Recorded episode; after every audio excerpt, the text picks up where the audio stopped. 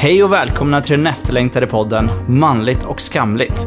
Samhällets ideal är att vi män, framförallt på det sexuella området, ska vara självsäkra och driftiga och alltid vara redo. Med podden vill jag belysa ett nytt ljus över manlig sexualitet och förhoppningsvis förändra samhällsnormen gällande vad som är manligt respektive kvinnligt. Nu kommer äntligen sanningen. Hur tänker vi män egentligen gällande kärlek, sex och relationer? Jag tillsammans med gäster kommer att svara på era frågor samt analysera det manliga beteendet utifrån konkreta exempel i vardagen. Nu kör vi!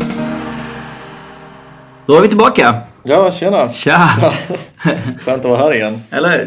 Eh, Det är Mischa för er som inte känner igen rösten än, för att du var ju med i förra avsnittet. Ja, Ja, och gjorde premiär då. Ja jag hoppas alla känner igen rösten. Ja, men det tror jag, efter ett tag tror jag man kommer känna det. Ja, Är du mer nervös nu än vad du var förra gången eller? Ehm, ja lite grann kanske för att eh, jag är inte särskilt nervös överlag men, Nej. men jag är lite orolig på... Jag tänkte på, kan, kan jag tillräckligt mycket? Men, men det tror jag nog att jag kan. Ja, men det tror jag också. Ja. Men sen är det ju ingen faktapodd heller. utan det är Nej, ju du ska ju bara ha min. Ja. åsikt. Och, Exakt, Så. precis. Så ehm, eh, vi ska idag prata om monogami. Men innan vi går in på det så ett litet intro kanske. Eh, så att folk får lära känna det lite mer. Eh, Ja. hur, hur har helgen varit? Kan vi kanske börja med. Uh, helgen var jättebra. Jag, jag satt faktiskt i, igår med många vänner. Med mina grannar satt jag i, köket och delade en fin middag tillsammans. Mm. Där vi alla lärde känna varandra ganska bra. Uh, ganska skönt att få göra det. Okej, det är ovanligt. Vadå, var det någon så här gårdsfest eller var det du som tog initiativ och bjöd upp alla? Jag tog initiativet och Så, gjorde men det. du, ja. Det pratade vi om i förra avsnittet, att du har ju den personligheten. Och Det är bra. För, Ja visst, visst är det skönt. Men det är tråkigt när man inte kan göra, när an- andra inte hakar på och man sitter där själv liksom. Och, ja, men då får man väl vara själv helt enkelt. ja, men precis. Men nu gick det ju. Nu gick det ju. Ja. Ja. Och sen har jag väl jobbat lite grann och eh, ja, jobbat lite på mig själv lite grann. Var Ja. nere på gymmet så. Just det, du menar så. Ja. Eh, har du jobbat på dig själv mentalt också? Det har jag också gjort. Eh, ja. för, för jag upplever dig vara ganska så här spirituell på ett sätt. Alltså liksom så här. Ja. Eller typ intakt med eh, något, jag vet inte hur man ska kalla det, övre jag. Jag vet inte. Ja. Eh, definitionsfråga kanske. Men att du är lite Ja. så här så att du, du är lite spirituell, vilket jag ser som någonting positivt. Eh, men har det alltid varit så att du liksom, eller är du det överhuvudtaget? ja, jo men det är jag. Det skulle jag nog vilja säga. Mm. Eh, Jag tror inte att jag tillhör någon religion sådär men, eh, eh, men jag brukar meditera. Jag känner att det är en viktig praktik att göra. Så att, Mm. eh, Kanske lite mer nära buddhismen har det varit. Eh, och Ibland så säger jag till folk att jag är buddhist fast jag är inte riktigt en buddhist utan det är bara för att de ska snabbare förstå. Var, ungefär. ungefär. Kategorisera dig Ja, helt enkelt. precis. det går bra. Det går bra. ja, men jag menar, jag kan ju jag kan ju gå till en annan kyrka och bara ha trevligt och lyssna på musik någon Mm. gång ibland också. Som du gjorde idag. Ja, som jag gjorde idag precis. Hamnade på... Eh, Eh, Jag var i Citykyrkan första gången. Ja, vilken fin konsert. ja, gospel va? Ja, visst. Ja. Grymt var det. Ja, ja, Ja. Fan, man ska nog ta... Man ska inte säga fan när man pratar om kyrkan. Men eh, man ska ta sig till kyrkan för jag tror att det är en härlig stämning. Ja. Speciellt när det är gospel. Jag älskar ju musik så att det vore ju... Jag tror att jag hade gillat det. Ja, men visst. Absolut. Absolut. Är det som det är, som man ser på TV liksom, på filmerna? Ja, Ja. det är det. Nej, vad coolt. Jag tror att kyrkan var väl, eller är fortfarande, men också var ännu mer statlig förut. Ja. Eh, och då blev det någon form av så här, att staten tjänar pengar på ens... ja, men visst. Vissa kyrkor är nog fortfarande så. Precis. Jag känner det. Men sen blir det ju diskussionen när kyrkor blir privata. Då blir det också fel. Det blir För då också- blir det ju också ett företag och helt plötsligt så tjänar man pengar på folks ehm, miss, eller, tro, eller, miss, eller någonstans där man försöker hjälpa folk ur någonting och tjäna pengar på det. Men då kan man ju gå till terapi och så kan man gå till... Ja, betala dem lika Ja, mycket så också. det är ju- alltså- det spelar ingen roll liksom. Nej. Men ja, men det är väl inget fel så. Så länge man mår bra. Ja. Man, man kan ju betala för en upplevelse. Det är väl det vi gör när vi ska ta en öl. Precis. Jag, jag betalar inte för att den är så himla god. Då kan jag gå till Systembolaget och köpa den billigare. Sant. Så. Precis. Men eh, spirit, spiritualitet eh, Mm. har jag, jag, ja, jag har hittat det någonstans eh, tre år sedan ungefär. Jag, jag har inte alltid varit sån här utan jag har varit ganska macho av mig faktiskt. Ja, just det. Eh, så tre, tre år sedan ungefär. Ja. Vad hände då? då? Var det något Ja. speciellt? Ja, då var jag i eh, Holland Ja. Ehm, och ehm, var där med några kompisar. Och eh, vad gjorde vi där? Vi gick runt i en stad, en liten stad i Holland. eh, och ja, vi bara tittade runt i stan och tittade runt på alla byggnader och så vidare. Vi hade inte tagit några droger, vilket att det poängtera. lät som det. Jag började kolla på byggnader. ja, precis. Eh, nej, det hade vi inte gjort. Utan vi, vi gick runt och tittade och sen så stod vi still någon gång för att vi kunde inte hitta vägen. Och så drog vi fram en karta och så skulle vi uh, försöka hitta någon, plats som vi letade efter då. Uh, och då var det en man som gick förbi. ehm, runt 40-årsåldern någonstans. Han var ganska fint klädd och propert och sådär. Han såg bra ut. Och så stannade han till och så tittade han på oss och så frågade han ifall vi behöver hjälp att, att, att hitta. Mm. Eh, och ja, sa jag då. Visst, varför inte? Eh, då kom han in eh, i vårt, vårt gäng där och så, så tittade han på kartan och så studerade han lite grann och så frågade han vart vi ska och så vidare. Eh, och efter ett tag så sa han, ah, vi gör så här, följ efter mig så ska jag visa er dit istället. Ja men vad bra, då gick vi efter honom. Mm. Så går vi runt på stan vi, vi går någonstans och han, han vinkar till alla människor han ser på stan. Han ler till alla som han ser. Och alla ler tillbaka och alla vinkar till, till honom. Alla verkar känna den här snubben. Um, och um, ja, han, han hälsar ut till alla då. Så att, uh, då frågar vi, känner du alla de som du hälsar på? Ja, jag känner kanske 80% av den här stan, sa han. Okej. Uh, vad roligt. Uh, Ja. nej, men vi gick vidare och pratade och pratade och det kändes som att han, han är en ganska intressant person. Han var en ganska smart person visade sig. Uh, han studerade väldigt mycket och uh, um, det visade sig sen också att han, när, när han pratade, han pratade om att han kunde, han kunde se uh, i sina drömmar saker som skulle hända senare. Och jag tror att det är många som kan göra det faktiskt. Jag har träffat på några, några människor som kan göra likadant. Fast man kan inte riktigt styra det utan det är bara liksom, aha vänta nu, jag har sett det här i en dröm. Okej. Uh, så, det har jag faktiskt varit med om med andra människor också. Så att man eh, på något sätt så ser framtiden eller på något sätt är det som att man liksom så här förutspår framtiden genom en dröm eller är det mer att när man väl kommer till den situationen i vardagslivet att man kommer ihåg att man har drömt det? Förstår du skillnaden? Ja, precis. Eh, Snarare är det väl det andra. Ja. Fast man är ju ändå ganska säker på att det har varit just en dröm, inte bara Ja. en déjà vu. Nej, precis. Så. Ja. eh, Men det är inte så att när man har drömt så tänker man att det här kommer att ske i framtiden. Alltså man är säker på Viss, det. fast vissa kan nog göra så Ja. ändå. Ja, okej. Ja. I och för sig med erfarenhet, om man har varit med om samma upplevelse gång på gång så kanske man kan dra vissa slutsatser. Ja. Ja. ja, precis. Jag, jag har träffat på en, en snubbe som kan eh, se andra i drömmen och sen så avlider de efter att han har drömt det där. Läskigt. Det där är läskigt. Ja. Ja, så man vill inte vara med i hans drömmar? Nej. Nej, verkligen. Jag, har- jag har tappat all kontakt med honom och jag är glad för det. ja. Men eh, i alla fall, vi gick runt på stan med den här personen. eh, eh, Och ja, han verkade kunna allt om alla byggnader och hela stan och så vidare. Och ganska mycket faktiskt. Mm. Sen eh, så fick vi eh, komma hem till honom. Eh, Och vi fick, ja, vi blev erbjudna lite vin om vi ville ha det. Och han, han var väldigt vänskaplig och sådär. Han hade ändå visat oss dit vi skulle men vi valde att ändå haka på honom Ah, för, att, för ja. att liksom fortsätta vara kompisar med den här personen. Ja. Eh, han eh, kunde då se, han sa att han kunde se våra energier. Han kunde se om man ljuger eller inte. Han kunde se det, alltså in, inte bara känna det, inte bara, inte bara liksom uppfatta signalerna utan Nej. han kunde se det på vår energi. Mm. Vilket var intressant. Och eh, då sa han att ja, men du har ont i knät och så, så pekade han på ett ställe på mitt vänsterknä där jag hade ont. Och det var just där jag hade, ja, där jag hade ont. Skönt. Han bara trycker där. Där har du ont va? Ja. ja, det är för att du har ont i foten. Och så trycker han på, på min fot där jag hade ont också. Ja. Och det visste du sedan innan såklart? Att du Ja. hade ont där? Ja, Ja. precis. Så det var inte att han tryckte jättehårt? Nej, inte för att det gjorde ont. Nej. För att det skulle göra. Nej, men eh, han, han eh, såg det här tydligen och jag, jag bara wow, intressant, Mm. häftigt. Jag menar, man kan ju... Man, man spekulerar väldigt mycket nu eh, om att man kan titta på sin egen aura och man kan se andras energier och sådär. Men, men eh, det, är inte så, det är inte någonting som riktigt studeras och eh, jag tycker att det saknas någon vetenskap bak- bakom det här. Som det borde vara lite mer av. Men hu- hur som helst, hela den här grejen, jag blev ju helt wow liksom. Ja, men såklart. Så, och det kändes att det här är en person som man borde lyssna på. Och han, om jag skulle berätta någonting för honom, han kunde uppfatta om jag, om jag ljög eller inte. Ja. Eh, och jag kände att han förstår att om jag, när jag ljuger, när jag, det var någon sån här dum grej jag ljög om, jag, jag kommer inte ihåg vad det var. Ehm, och sen så, så frågade jag honom vid något tillfälle, ehm, kan du berätta lite mer om mig själv?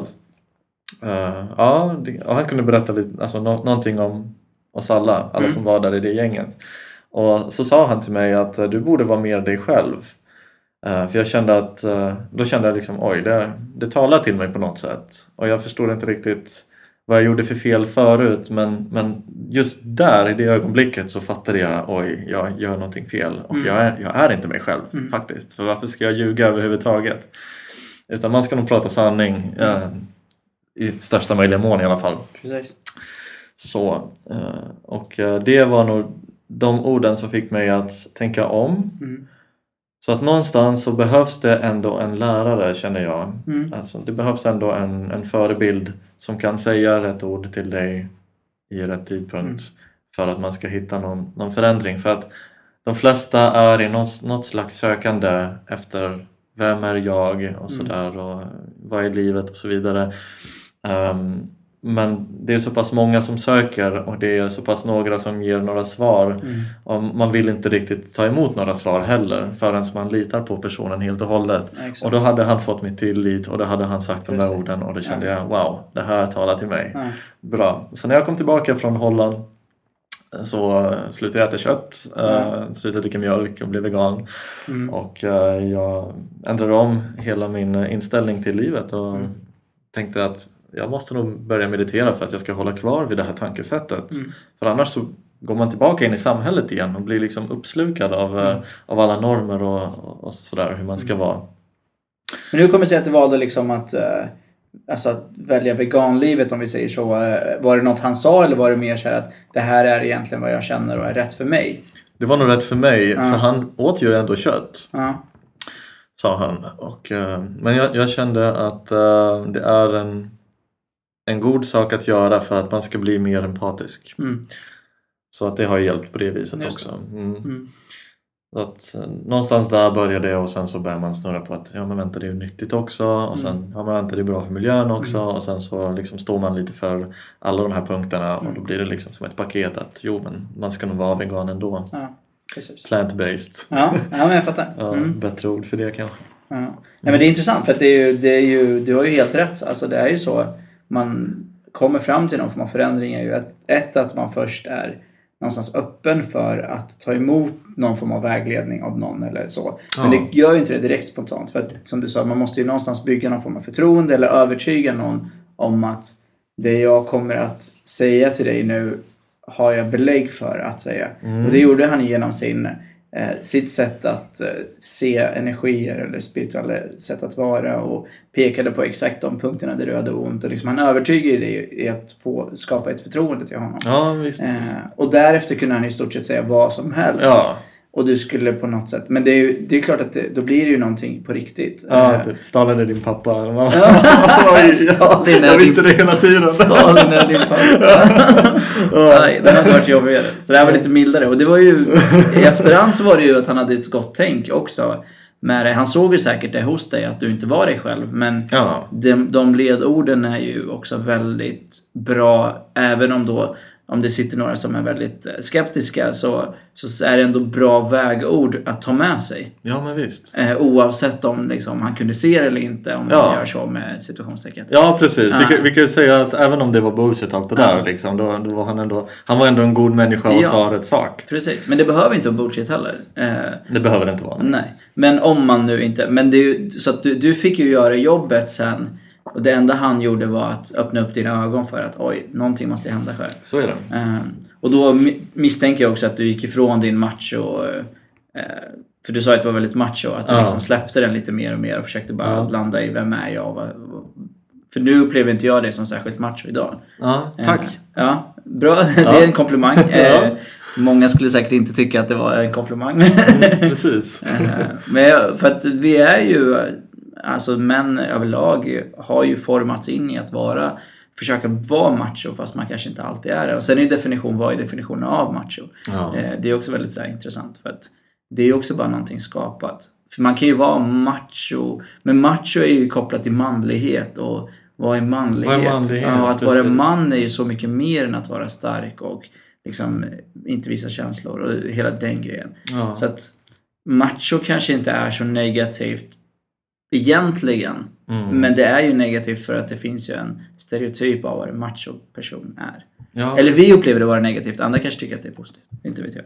Eh, Men det, jag Ja. tror att det förstör ganska jag, mycket. jag tror att de som är macho tänker nog att det är ganska bra att vara macho. Ja. ja, men precis. Så är det ju oftast. Mm. Eh, För det är där de...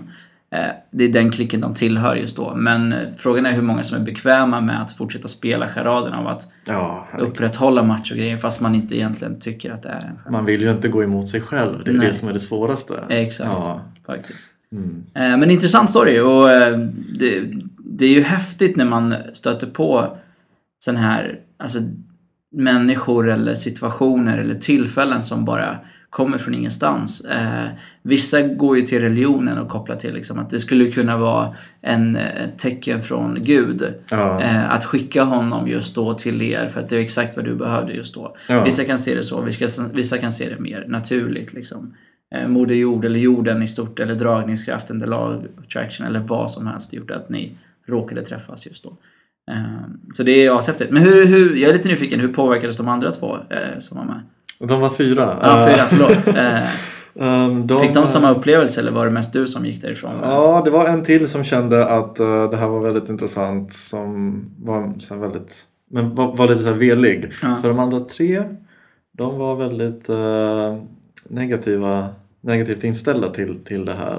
Och de trodde att han var någon slags skojare och att Mm. han var lite så. Eh, och då kände den här veliga personen kanske, Mm. ja men det är nog kanske sant att det var en skojare. Men då kände jag likadant, bara, ja men det kan ju vara så att han är en skojare. Men jag vill ändå se vart det här leder. Ja. Vad det leder till. Mm. Och eh, någonstans så måste man ju ändå kunna stå på sig att jo men antingen så, så är det en skojare och då, då, då har jag förstått det i alla fall. Mm. Då, då ska inte jag låta honom leda in mig i någonting dumt här. Nej.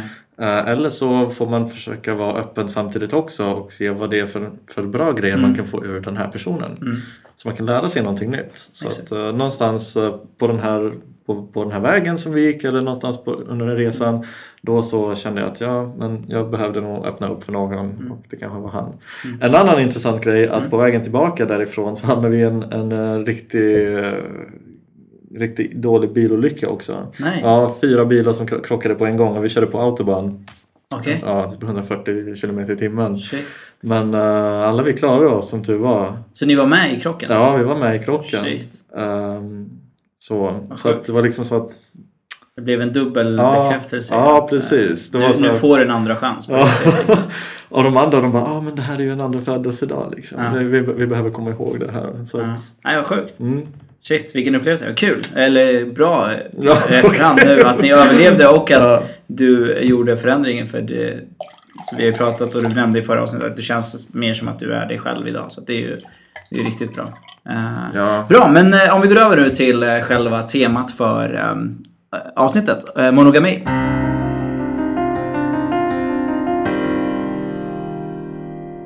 Eh, och jag har kollat upp lite så här, bara så snabbt eh, historiskt sett så har ju faktiskt, vilket man inte kanske tr- tror idag, men att monogami har ju faktiskt varit något avvikande eh, historiskt sett. Eh, ja, och att, men idag så är det ju det som är normen. Och polygami var ju det, eller inte snarare ens typ, det var bara att man, man hade inga äktenskap så här två och två. Eh, tydligen så var det så att männen bodde mycket för sig själva Ja, och kvinnor bodde mer för sig själva. okej. Eh, och enda då kontakten de hade var vid befruktning och när man skulle liksom käka och sånt. Oj då. Så det var ju inte liksom, och man hade inte såhär, du, du och han, eller han och hon är ett par och han och, utan man hade sexuellt umgänge med dem man kände för. Äktenskap tydligen är någonting som har skapats kring 1800-talet. Okej. Alltså benämningen av äktenskap. Eh, eller nej, det måste fan vara innan. kom Innan renässansen liksom. Ja, man måste varit, eh, för det är ju, jag tänker att det är kopplat till religionen. Ja, alltså just det. kristendomen och Ja, Eh, Men just kanske benämningen äktenskap kom kring 1800-talet tror jag. ja. Just Men att det här monogamin tror jag kom tidigare i form, alltså med kristendomens eh, revolution. Bland annat, eh, islam är ju lite mer polygami om man ser till att männen får ha fler fruar. Eh, nu kan inte jag islam så bra, men det är vad jag i alla fall har fått den uppfattningen av att eh, männen har tillåtelse att ha flera fruar så länge man behandlar alla likvärdigt. Ja, okej. Ja, har jag förstått det som. Eh, Okej. så att de är mer, det är lite mer polygami och kristendomen är mer monogami eh, på ett sätt. Ehm, Behandla lika illa, likvärdigt eller lika bra. Ja, det är ju en definitionsfråga. Eh, Man ska behandla alla likvärdigt och li- Okej. bra tror jag att eh, islam säger egentligen. Men eh, jag vet jag inte. hoppas. Alla män. Men jag, jag har känt att eh, jag, har läst någonstans att, att det är någonting som passar vårt samhälle. Ja. Att vi ska leva i ett mon- eh, monogamt samhälle. Ja, men det kan jag tänka mig. Eh, men gör det, gör det verkligen det? Passar det in i vårt vardagsliv att, att vi ska ha Ja. en och en eller två och två förhållanden? Alltså jag tänker om man ser det rent alltså högre upp än oss själva. Alltså hur samhällsstrukturen är uppbyggd och hur juridiken är uppbyggd och sådana saker. Då är monogama förhållanden ett drömexemplar för att säkerheten finns i att du har en person som du gifter dig med och när ni gifter er så, kom, så blir ni ett på ett sätt. Rent Ja. juridiskt också. Så att om en går bort då får du ärva den personens eh, he, alltså pengar och eh, förmögenhet, allt som, som går i arv till då din fru som kan ta hand om barnen. Men om ni inte är gifta och bara är sambo så finns det någonting som sambolagen. Men om vi skippar sambolagen och bara är liksom ett par och så har ni barn till- tillsammans, gemensamma barn. Ja. Om den ena dör då så får ju inte mamman eller den andra parten får inte de pengarna. Utan de går till barnen när de fyller 18.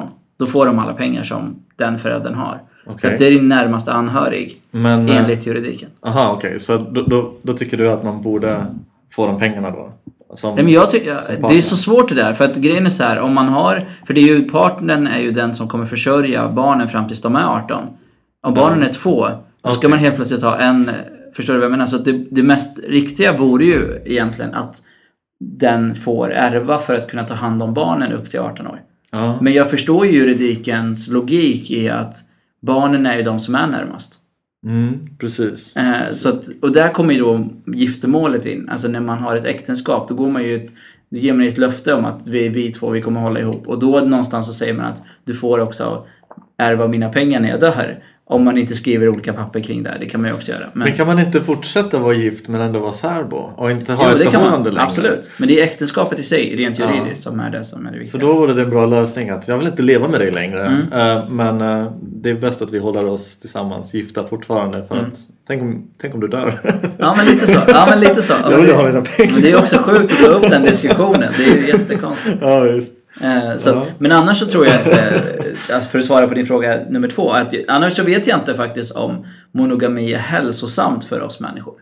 Exakt. Det är snarare, det, det är ju en annan diskussion. Ja. Eh, så att, för det, För det, det är ju... det är väl lite det vi ska diskutera. Ja, ja exakt, precis. Så Det är det jag skulle vilja diskutera egentligen. Absolut. Nej men det är det, exakt vad vi ska diskutera. Och, Ja. det är ju, och jag tror inte, alltså det finns ju för och nackdelar med det tänker jag spontant. Alltså, hur tänker du? Ja, men för lagen är ju någonstans... eh, eh, lagen är någonting som dels så bildar det normer Mm. och dels så, så hakar det efter, efter andra normer ibland Såklart. också.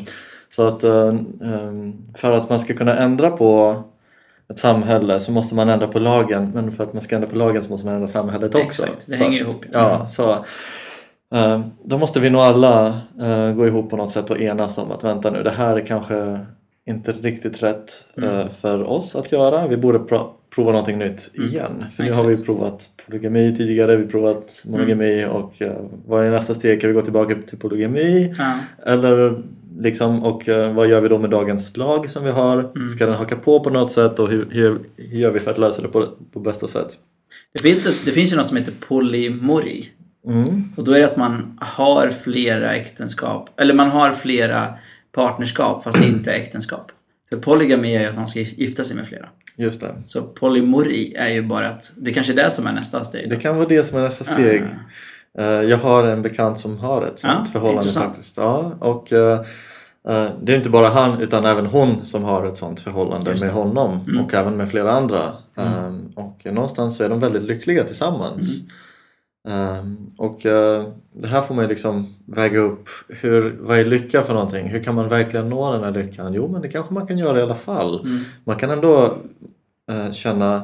Men då, då innebär det i så fall att för att eh, om du ska älska en annan person Mm. väldigt mycket då ska du även ehm, på något sätt ehm, acceptera att den här personen ska träffa en annan människa ehm, och du ska liksom vilja att den här personen ska träffa den här andra, människan Mm. för att du vet att den andra personen vill träffa den här Exakt. människan. Då ska du också vara med och vilja. Mm. Liksom. Så det är inte bara att, att man ska acceptera utan man ska liksom pusha åt, åt det hållet lite Precis. mer också. Så Det att, som din partner trivs i. Ja, precis. Men det är ju svårt utifrån dagens eh, norm av, av just vad som anses vara parnormen eller liknande. Mm. För det krävs ju väldigt mycket av dig. Eller ingenting alls egentligen. Men Ja. det, det som krävs av dig är att du bortser det som anses vara det normala. Ja. Som de har gjort då i det här fallet. Om båda är okej med att de, an, de, de har en relation och den är jättefin och de har jättebra ihop. Och utanför det så får de träffa andra och skapa relationer med dem också. Men sen kommer ju konkurrensen in i bilden. Ja. Som vi människor inte riktigt... Och svartsjukan och eh, den typen av känslor. ja. Men de kanske inte finns om man har en sån överenskommelse. För här måste vi gå till botten med vad är svartsjuka Ja, precis. Så. Eh, och är det någonting som egot föder fram Un- Nästan 100 procent. nästan 100 procent. Ja. För, för att man vill ju ändå att den här personen ska bara tillhöra mig. Ja, Så, så att då, då borde ju svartsjuka vara bullshit helt och hållet. Då borde alla inse det. precis. Eftersom det är del av egot. Och Mm. är det del av egot eh, då borde inte vi ha det i vårt samhälle. Då borde alla leva i ett polymoröst samhälle i så fall. precis. Eh, Då är ju det den rätta vägen, Ja. eller hur? Mm. Teoretiskt. Exakt. Ja, men exakt. Ja. Men sen kommer vi, nu kommer jag in på så tidsaspekten. Säg att du har ett polygam, polygamiskt eh, samhälle och eh, eh, du har fyra relationer. Ja. Eh, och vad händer då med att ge varje den tiden som den förtjänar? Det blir ju en helt annan svartsjuka. Det kanske inte blir svartsjuka på att du är med andra. ja. Att jag inte duger, men du blir svartsjuka i att varför får jag bara tre timmar i veckan? Mm. När hon eller han får sju. Ja, men jag gillar henne mer än dig. Oj då. Ja, men alltså, jag, jag vet inte, jag bara spånar till hur, vad som kan bli jobbigt i en sån... Ska man lägga en limit på att du får max ha tre relationer åt gången? Mm. Förstår du vad jag menar? Precis. Eller ska Eh, det bara vara så fritt liksom? Men vad är, eh, det jag tänker på där också är om jag vill att min partner ska träffa en annan ehm, då kommer nog jag prata sen med min partner om den här tredje personen Mm. Eh, och på något sätt så är jag också delaktig i det här, deras förhållande för Mm. att jag är liksom en vän då. Då, då spelar jag rollen vän Mm. i, i vår relation. Ehm, men eh, det känns ändå som att man separerar eh, mitt polymorösa, eh, min polymorösa relation till, Ja. till din. Då är det som att du har, dina, liksom, du har dina partners och jag har mina partners. Men varför ska inte vi alla så här, mergea våra, Ja. våra, våra relationer så att jag också kan ta del av dina partners och du kan ta del av mina? För annars blir det bara snack och vi, vi, vi kommer aldrig riktigt nära varandra. Nej. För jag kan inte riktigt uppskatta dina partners så som du gör i alla fall. Nej. Förutom det du säger till mig och det låter ju så fantastiskt så jag vill ju också vara med Mm. Eh, initialt. Mm. Eh, men sen kommer vi in på det här med stjärntecken också. Mm. Jättekul. ja, ja, det är bra. Eh, och då känner jag så här, utifrån ett astrologiskt perspektiv, då tycker vi, då, då så klickar vi på olika plan eh, olika bra med varandra. Ja. Och då tänker jag att vissa stjärntecken kanske är goda vänner med andra, Mm. vissa kanske är goda kollegor med andra och vissa kanske har bra sex med andra och så Mm. vidare. Så att om man skulle leva i ett sånt ideal, idealsamhälle, Mm. eh, det, här är bara en spekulation, ja, men det är helt rätt. Ja, eh, så kanske man, eh, man har en, en vänskaplig relation med en person men man är helt öppen med den här personen om, Ja. om vad man gör och så vidare. Och man kanske lever tillsammans. Mm. Um, och sen så har man en sexuell relation med en annan eller två eller tre andra och så vidare beroende på hur många man behöver. Um, men, eh, men allting är ju helt öppet liksom. Men man behöver ju inte liksom vara fäst vid att min relation ska vara att jag får ut allt jag behöver från en person. Nej. För att någonstans där har vi ju liksom låst oss till det här att om jag ska ha en relation till en annan människa då ska jag få allt jag behöver från den här personen. Mm. Ehm, ja, exakt så. Allt jag behöver ska jag få istället Exakt. för att jag ska ge allt jag kan. Eh, Men så har det blivit i samhället. Men om, kan vi inte bara separera på vad, vad vi kan få ut? För att vissa får ut lycka av att prata med varandra. Vissa får ut lycka av att ha sex med varandra. Vissa får ut lycka av att göra något annat. Gå en promenad eller jag vet inte vad. Hitta på bus tillsammans. Mm. Eh, så att då kan man ju, varför ska man eh, varför ska man blockera sig själv från att hitta lycka på alla olika fält? När man bara låser sig till en person och bara säger att ja men vi ska, vi ska ha en relation men sen så kanske man bara trivs att titta på eh, Game of Thrones tillsammans Mm. eller någonting Ja, sånt där. Och, och allt annat är bara skit men man kan prata om Game of Thrones och det är hur kul som helst. Mm. Eh, så.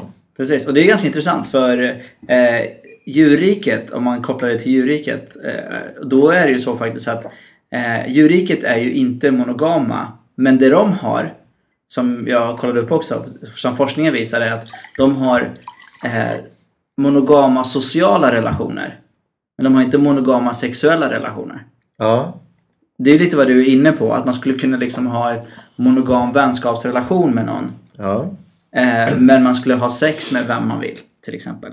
Och den andra teorin som du var inne på det här med att typ om du har, ni har någonting och sen har hon ett, flera andra och du har flera andra så ska merga ihop de här så att alla ska kunna vara med alla och dela liksom. Då måste man ju någonstans också, eller diskussionen blir så här, då kanske man ska ta bort titlarna heterosexualitet och homosexualitet och Ja. bara liksom ha sexualitet där i det också. Så att om två killar klickar eller två tjejer klickar rent sexuellt så varför inte vara inbjudande till det också och bara så här öppna fältet till att liksom, och du, i vissa stä- ställen så nu anses det vara onormalt eller avvikande för det finns ju vissa som bor ihop så här typ tre par som lever ihop och alla har sex med alla och det är fritt fram liksom. Det är inget eh, eh, Eh, har jag sett någon dokumentär från USA, du vet, klassiskt, det är USA. Ja. Eh, och man ser på det som att det är någonting konstigt. Möjligheternas land. Ja, men lite så.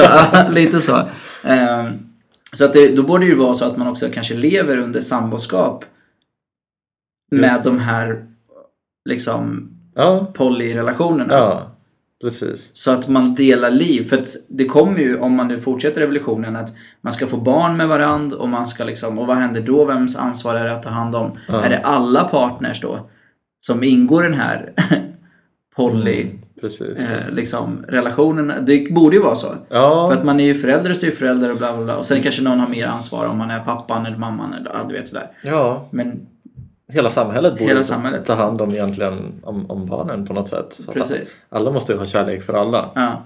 Så- Men det är svårt. att. Alexander Bard, jag har lyssnat på lite på han. eh, Jag vet Ja. inte om du har gjort det. Jag Ja. tycker att han är väldigt fascinerande. För att han är ju framtidsbanare bland annat och filosof och bla bla bla. Ja, Och han pratade i någon podd, jag tror jag nämnt det i tidigare avsnitt, men i alla fall, jag tar upp det igen för det var länge sedan. Eh, Men då sä- säger han att liksom, han förutspår att vårt sätt att ha relationer framöver kommer vara att man har barn med sin bästa kompis mm.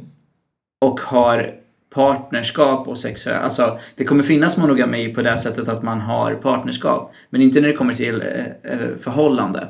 just det. Eh, för där är- kommer vara vi mer fritänkare i form av att jag ska få barn med den jag gillar. Så det kan vara min bästa kompis. Ja, men jag kan ha sex och äktenskap och annat med någon annan. ja just Det det. är inte så bundet till att det ska vara samma person. Ja, men det är ingen dum idé. Nej, jag vet. Och Jag tror att vi är på väg dit någonstans för att vi, vi har ett annat tänk redan nu. Men jag tänker generationerna under oss blir ju ännu mer så. Med digitaliseringen som kommer så blir vi ännu mindre så att man behöver varandra rent fysiskt. Förutom till de delarna som är liksom njutning och fortplantning och sådana saker. Ja, Och nu, kvinnorna har ju en ännu större makt nu i form av att de kan åka till Danmark tror jag och skaffa barn själva. Så de behöver inte oss män heller. ja. Så då kan de ju bara rent så här. Deras BFF bara. Du och jag, ska vi inte bara skaffa barn ihop? Absolut, ja, vi gör det. absolut. Ja, vi bor ihop, vi har samboskap, vi delar ett barn. Men utanför så dejtar de och har sex med andra. För de är ju inte tillsammans. De är ju bara vänner. Precis. Så jag tror på att det kan komma att bli så längre fram. Jag ska gå tillbaka till det här med energier. Ja, du vet. Ja, eh, jag har hört en, en väns vän som är lite så här eh, medium Ja, som har sagt att hon kan se ener- energier på folk och Ja. ett flöde av energier. Men ett barn som föds som ett provrörsbarn har tydligen ett helt ett väldigt invecklat flöde. Så Mm. att det är helt korrupt på något sätt. Jag vet inte vad det betyder Nej, och jag Mm. hoppas inte jag sårar någon nu när jag säger det här. Men, men eh, ja. Men det är ju hennes teori alltså kring... eh, Och det kan väl alltså... Tydligen så såg hon det här. Jag vet inte, jag vet inte vad men Men alltså, det är ju så svårt för att på ett sätt är det ju logiskt. Kan jag tycka. ja. Om man nu ska tro på biologi och evolution. Mm. För att då... Det här barnet föds ju på onaturligt sätt inom situationstecken. ja. Och därav kanske inte har samma energier, eller goda energier, som ett barn som föds på ett riktigt sätt har. I en kärleksfull familj. Liksom. Ja, Okej. precis. Mm. Jag vet inte. Det är som, det är bara att ta liksom energierna säkert hos ett barn som i tidig ålder, där ens föräldrar separerar.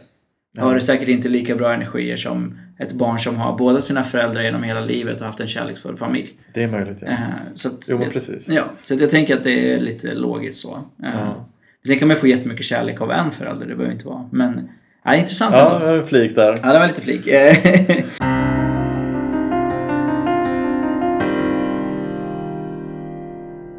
Idag är det ju väldigt monogamt, eller tanken är att det ska vara väldigt monogamt i stor Mm. utsträckning. Men vi har ju, de flesta av oss ändå accepterat att även när vi är i en relation, att vår partner på något sätt attraheras av andra.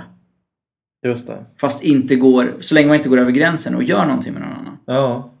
Men varför behövs ett monogamt samhälle? Nej? Vem var det som kom på det överhuvudtaget? Ja. För att jag menar, kyrkan är ju där och de säger att man ska gifta sig och sådär. Mm. Eh, Men behövs det kanske när man, när man har ett samhälle som är, som är ganska fattigt kanske? Mm.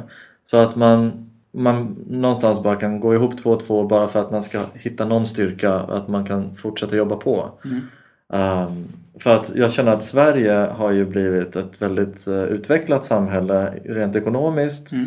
och vi känner att eh, ja, nu kan vi börja, nu behöver vi inte ens tänka på, på vår överlevnad längre. Vi har ju eh, socialen som tänker för oss och Precis. a-kassan även om Ja. man tappar jobb och sådär. Så att någonstans så kan vi ju nu sätta oss ner och diskutera vad är det vi vill ha nu? Vad, är det liksom, vad är nästa steg? Vad är det som vi får oss att må bra? Och därför sitter vi och diskuterar det här för att det känns som att det monogama kanske inte är rätt i alla fall. Nej. Då borde vi kanske hitta ett bättre sätt. Mm. Eh, Men det är ju många forskare som är skeptiska till det monogama samhället, alltså eh, levnadssättet. För de tror inte på det. Eh, för att man tror att vi mår bättre. För då jämför man återigen med djurriket. Att vi är inte egentligen inte skapta för att ha monogama samhällen. Ja. Eh, eller relationer överlag. Utan man tror ju på den här friheten. Och det är det som egentligen ger liksom. Och jag märker mer och mer tycker jag bland folk som jag pratar med om de här grejerna är att man blir mer och mer skeptisk. Man tror inte på det här långsiktiga alltså förhållandet, äktenskapet, är att man ska leva med en person resten av livet. Även de som har varit gifta och är gifta och du vet hela den grejen. Att någonstans så är det någon ja men männen springer från det här. Ja, men både män och kvinnor. Det är någon här skeptisk med att... Ja. Eh, för man tröttnar ju på varandra. Det är logiskt, det, kom, det gör alla. Men Ja. man någonstans tvingar sig själv att fortsätta vara i äktenskapet. Ja, precis. För att man, det är det som är det rätta att göra. Och det rätta är ju att man vill inte såra den andra personen. Just det. Eh, någonstans. Just Så att det är många som redan innan de ens har ett äktenskap bara, jag tror inte längre, jag tror inte på ett livslångt äktenskap. Men jag blir lite så här dubbel, jag får så här dubbla känslor. För att den ena sidan av mig säger så här, men då har du redan gett upp. Precis, jag får Ja. också dubbla känslor. Eller hur? där. Man vill ju aldrig ge upp. Ja, Så att, men, men jag känner ju så att jag vill aldrig tappa en relation med en människa. nej. Oavsett vad, vad jag har liksom, om det är en sån eller sån relation. Precis. Jag, jag känner ändå att, kan inte vi ändå vara, behöver inte säga vänner, men Nej. kan vi inte bara ha en relation? Exakt. Sen om vi slutar ha sex med varandra Ja. eller att, att vi väljer att inte ha barn med Precis. just varandra. Ja. Så ska vi ändå kunna förhålla oss till varandra Ja. på något sätt. Det vore ju drömmen, men hur ofta funkar det? Det går ju inte. Ja. För att någonstans är man ju två, till exempel då kompis med ex eller liknande. Man kan ju i vissa fall lyckas med det. Men det är ju drömmen egentligen, för att då skulle ju helt plötsligt att avsluta en relation skulle inte alls vara jobbigt. Precis. Eller det skulle vara lite jobbigt såklart, för att man sårar någon, en person. Men samtidigt om man kommer då överens om att ja, men vi fortsätter umgås, fast vi slutar ha sex. Ja. Då är det egentligen den enda skillnaden. Så har man kvar sin bästa kompis som man har delat några år med. Ja. Ja, men alltså det, det är ju, rent så så vore det ju fantastiskt. Men vi klarar ju inte av det. ja, eller att man, kan vi inte bara ha sex och vi behöver inte vara kompisar? Den andra varianten, Ja, absolut. Det går- Vissa kan ju inte leva tillsammans. Ja, Nej. som vi sa, liksom, ska vi inte alla bo sambo? Ja, men vissa kanske inte ska vara där liksom, med mig. Så att jag kanske inte trivs med, med vissa där och jag behöver min egen tid någon annanstans kanske. Eller vara med andra människor. Så. Det är också väldigt intressant om man tänker på eh, manligt och kvinnligt, alltså könsmässigt, så har vi ju någon form av eh, typ stereotyp bild av att eh, kvinnor har lättare att, när de väl går in i ett partnerskap, att de har ett större liksom, förmåga att bibehålla partnerskapet och eh, låta sig själv ge sig hän till att vara i det, eller det liksom partnerskapet på något sätt. Jämfört med männen som hela tiden vill springa därifrån. Eller som man nu, det är så synen är. Jag tror inte riktigt på det. Och sen så har man faktiskt sett inom djurriket, apropå den här grejen, att faktiskt att kvinnor är mer benägna att inte vara trogna sina partners i djurriket. Varför? Jo, för att det finns ju en ganska logisk förklaring. För de, kommer fram till att de vill ju ha så många ägg som möjligt befruktade. Ja, Och då går man ju till flera sexuella partners. okej. Så varför kan... Det borde ju egentligen vara så inom människan också. Ja. Men kvinnorna har ju lärt sig att vara, liksom skapa relationer och liksom på något sätt lärt sig att utifrån filmer eller annat att det här är vad äktenskap är. Så det Ja. sägs att kvinnor jagar den perfekta genetiken hos mannen. Ja. Och när de har hittat den så, så landar de i det. Medan mannen alltid söker vidare. ja, visst. Rent generellt. Men, men kvinnor tycker jag är överlag bättre på att ha relationer än, Absolut. än män. Ja, ja, ja. Sen vet jag inte om det är därför eh, det har skapats en, en sån här bild av, Mm. av relationer, att det är liksom mer kvinnligt. Mm. Om, det, om det är det eller om det är eh, kvinnorna som har blivit så Mm. just på grund av monogami. Mm. Jag tror det är en blandning av båda två, men det är också den här aspekten bara av att män anses vara mer sexuella än kvinnor. Ja, Bara den grejen att då män som är i en trygg relation med en partnerskap eh, tror att, jag tror att de känner att de måste jaga sex. Men du, om jag skulle, Ja. om jag skulle, ha, om jag skulle vara kung och så Mm. har jag ett samhälle och så vill jag utöka samhället så mycket som möjligt. Mm. Då, då vill jag att alla kvinnor ska vara upptagna med att ta hand om barn. Mm. Och då behöver de vara ja, i så goda förhållanden som möjligt så att de kan föda så många barn som möjligt för att jag vill bygga ett jättestort samhälle. Mm. Eh, och eh, då blir mannen lite onödig i det samhället för att det är bara kvinnorna som föder barnen och eh, liksom ammar barnen och så vidare biologiskt. Mm. Men då, då kanske jag säger, ja men då får mannen springa och jobba så länge. Då får han göra grejer för att, för att hon ska fortsätta ha den här miljön. Mm. Så att då, då säger jag så här, männen jobbar och kvinnorna tar hand om barnen. Perfekt, då har vi ett sånt samhälle och eh, ni måste vara en, två och två. Mm. Så. Kan det vara därför det har Precis. kommit upp? Liksom. Varför ska man vara två och två då? I den logiken. Alltså i just, för det andra förstår jag ju. Ja. Att männen är fysiskt starkare, ni går ut och fixar ved och, så att det blir värme för familjen. Och det, Mm. eh, det, är de här, det är det här du vet att det ska vara du, du och du ska vara. Precis. Det, det är ju någon form av, jag tror att det kommer från säkert någon kung, manlig kung, Ja. Som blev lite svartis för att hans, eh, han delade sin dam. Men det är ju känslor kanske, inte vet jag. Det är Ja. det som skiljer oss från djurriket. Ja. Vi är ju väldigt eh, liksom, medvetna om våra känslor. Mm. Eh, och tillåt, alltså vi, vi känner ju mycket. Mm. Så att när man känner någonting starkt för någon, då kanske det blir jobbigt då att dela. Precis. Men det är också så här, kärlek kanske också bara är påhittat. Mm. Nu blir det väldigt filosofiskt där. Ja, fortsätt. Eh, ja, men eh, för att eh, det är ju den här eviga frågan, vad är egentligen kärlek? För att Ja. frågar man, jag har ju frågat lite för att testa det här. Och alla svarar olika. Vissa enligt mig uttrycker attraktion. Vissa enligt mig uttry- uttrycker förälskelse. Vissa enligt mig uttrycker passion. Vissa enligt mig uttrycker, förstår du? Vad är egentligen kärlek då? För vissa kan bli kära efter två, två veckor. Just Vissa det. kan inte bli kära förrän om ett halvår, ett år. Ja. Vissa kan bli kära på sekunden. Mm. Vissa kan aldrig bli kära. Precis. Alltså det, allt är väldigt subjektivt. Kärlek är väldigt subjektivt. Ja, eh, att bli, fast att uppleva kärlek och att bli kär är nog två olika saker skulle jag säga. Utveckla. Eh, för att om du blir kär så är det just de här känslorna som vi pratar om som eh, du upplever. Du, du upplever en attraktion till personen. Ja. Kemin liksom, det pirrar i magen, vad det nu kan vara och så vidare. Man vill ju vara, man vill ha sex med personen och sådär. Eh, men eh, kärlek är lite större än så känner jag. Utan det, det är mest att jag vill att den här personen ska få så mycket av mig som möjligt. Att man ska ge bort istället för att ta. Man ska inte förvänta sig någonting utan Nej. det ska komma inifrån dig. Och för att man ska kunna ge så måste man själv hitta vem är jag någonstans. Så man måste ju älska sig själv först. Mm. Um, och, så. och så, måste man ju, så får man gå vidare till att älska andra. Och det är väldigt svårt att älska sig själv i ett samhälle som vi lever i idag. För att allting handlar om att man ska ju man ska ha en stabil ekonomi och man ska tänka på sig själv och vi har ju det här rat race som vi alla håller på med att uh, vi ska flasha med finare bilar och bla bla bla bättre hela tiden. Så att alla försöker vara lite bättre än de andra men istället så kan man ju bara uh, släppa det där, prova att släppa det där och uh, prova att ge. För att det är då man mår som bäst. Mm. Jag mår ju som bäst när jag, när jag ger till andra, inte när jag får presenter utan om jag ger en present. Eh, och ju mer jag ger, desto mer älskar jag mig själv. Mm. Så då jag skapar en god cirkel. Att, och ju mer jag älskar mig själv, desto mer vill jag ge till andra Mm. också. Så någonstans måste man nog tvinga sig själv att, att kunna ge till andra. Mm. Och det behöver inte vara mycket. Eh, Jag menar, man kan ju ge ett leende. Och Precis. det kostar ingenting. Så kom leendet också, så här, för riktig så här, reklamslagen. Nej men jag skojar. Ja, men det, var, men så. det är ju rätt, det är sant. Men, men det är intressant för att då, min tolkning blir ju att när man ger kärlek så Ja. är det i jämförelse med att när man blir kär Ja, så är att bli kär mer en ägande grej. Och att ge kärlek mer harmoniskt och tillfredsställande i form av att man inte förväntar sig någonting tillbaka. Men, men det är också så intressant för att man kan ju ge hur mycket som helst. ja, Men om du ger och ger hela tiden av dig själv ja, och den andra inte bekräftar dig, ja, vill du fortsätta ge?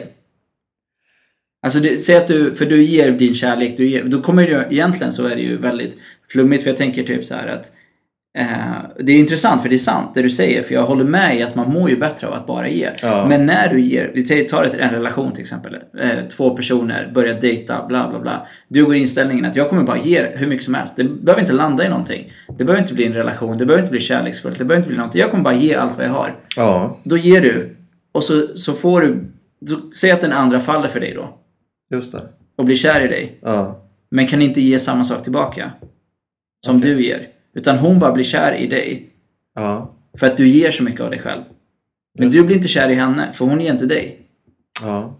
Då är det ju inte, då är det inte gemensam kärlek. Nej men det är det som är så intressant. För gemensam kärlek blir då att båda måste ge hela tiden. Måste, måste ge precis. Exakt, och då hamnar jag, eller många andra också kan jag likna mig, men jag har också hamnat i den situationen där när jag väl ger Ja, bara av mig själv, då blir den andra kär i mig. Fast då får jag dåligt samvete, för jag är inte där än. Och Ah, vad är då kärlek? Förstår du vad flummigt det här är? ja det är jätteflummigt här. Ah. Så då är det någonstans, har jag, då känner jag någonstans att jag kanske har lurat henne Ehm, till att falla för mig. ja, Alltså det här blir väldigt så här men lurat henne till att falla för mig. ja. Fast det egentligen, jag har inte gjort någonting fel. ja, men jag tror inte att det är du som inte är där än. Nej. Utan det är nog snarare hon som inte är där än. Att hon inte gett tillbaka. Ja, precis. Så Ah, det, det är nog hon som måste förstå att, det är, att hon måste ge. För att hon måste älska sig själv först. Mm. För att eh, troligtvis så gör hon inte det fullt ut om hon Mm. bara är kär i dig utan att uppleva vad kärlek, Mm. vad eh, altruistisk kärlek är för någonting. Precis, antingen är det så eller så har vi olika syn på vad kärlek är. Ja, Det är det som också är. Eh, för jag kan inte relatera. Jag accepterar och förstår att folk blir kära tidigt, snabbt liksom, efter två, två veckor. Men Mm. jag kan inte relatera till, för jag har själv aldrig blivit kär efter två veckor. För det jag ser det som mycket större än så.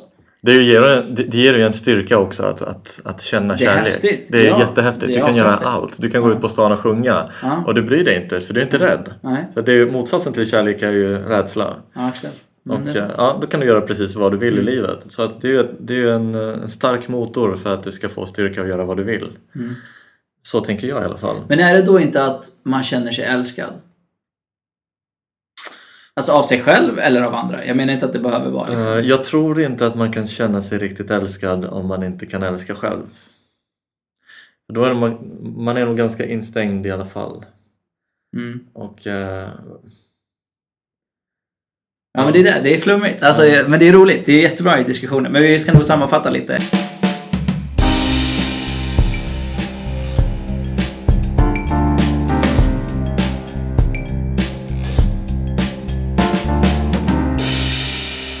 jag tror inte det är något fel med att ha ett, ett, eh, en polyrelation. Nej, det tror inte jag heller. Utan eh, Uh, strunta i samhällets normer säger jag, gör det som känns rätt. Ja. Uh, samtidigt ska man ha respekt för de man älskar. Mm. Självklart. Och, uh, och är det så att de inte kan acceptera att du skulle göra någonting annat. Jag, jag känner att någonstans måste man ha diskussioner kring det här Mm. och sen får man kanske kompromissa antingen med varandra eller med sig själv att man får göra det då. Mm. Ja. Nej, Jag håller med. Jag tycker också att alltså, känns det mer rätt så gör det. Men jag tror att det är väldigt svårt utifrån dagens samhälle än Ja. att folk ska acceptera att ha sådana relationer. För jag tror att monogamin är fortfarande väldigt stark Ja. eh, och äktenskap är väldigt viktigt. Och det må så vara och det kommer vara så säkert någon generation till, kanske generationen efter den, kanske börjar tänka lite mer frispråkigt och landa kanske i det där med att, eh, det som Alexander Bard är inne på, att Ja. liksom, man bara har relationer med dem man tycker om helt enkelt på ett Ja. eller annat sätt. Om det är vänskap eller någonting annat. Eh, men sen så också att vi, skillnaden mellan oss och djurriket är att vi vi har ju sexuella behov allihopa och vi skulle kunna ha sex med alla, eh, rent så tror jag. Men vi är så pass förnuftiga att vi förbiser våra primära instinktiva behov Ja. för att någonstans inte såra en annan persons sätt. För vi ger ju ett löfte där. När man går, ingår i någon form av eh, partnerskap så säger vi så här, du och jag, det är vi två. Jag kommer vara dig trogen, jag kommer bara vara med dig. Ja. Och sexet är bara skit. Ja, men det kan vara det. Men, men ändå så är man kvar i det för att man inte vill liksom svika sitt, eller Ja. svika sitt löfte. Jag vet, jag vet. Jätteintressant. Och många som säkert har gjort slut också för att eh, man har haft bara bra sex. Ja. Sen så tänkte de fan. Eller tvärtom, att man inte har haft bra sex alls och bara allt annat funnits. Men det är så synd för att det, man, man förlorar ju på det. Båda förlorar ju på det när man kommer till den fasen att man kanske har fantastiskt bra sex men man märker att vi kommer inte funka i en relation utifrån normen av vad partnerskap eller äktenskap ska vara. Men då dödar man ju allting. Då förlorar ju båda det bra sexet. Ja, För att man inte klarar av, för man måste ha det här monogama. för att man måste hålla sig fast vid en norm. Ja, Precis. av att det ska vara så här allt eller inget. eh, lite grann. Vilket jag tycker är väldigt intressant. Ja, Bra, det var veckans avsnitt. ja Tack! Tack så mycket. Du har precis lyssnat på Manligt och skamligt, en podcast av mig, Afram Gabro och stort tack till Jonathan som har hjälpt mig med ljud och redigering. Om ni gillar det ni hör, skriv gärna en recension på iTunes och klicka på knappen prenumerera. Följ mig på sociala medier, at manligt och skamligt, där ni får ta del av mina tankar och reflektioner kring machokultur, könsnorm, mina framtida projekt och mycket annat. Har ni frågor, önskar samarbeta, annonsera eller sponsra podden går ni in på www.aframgabro.com och skriver ett mejl under fliken kontakt. Tack för att du tog dig tid att lyssna. Kärlek!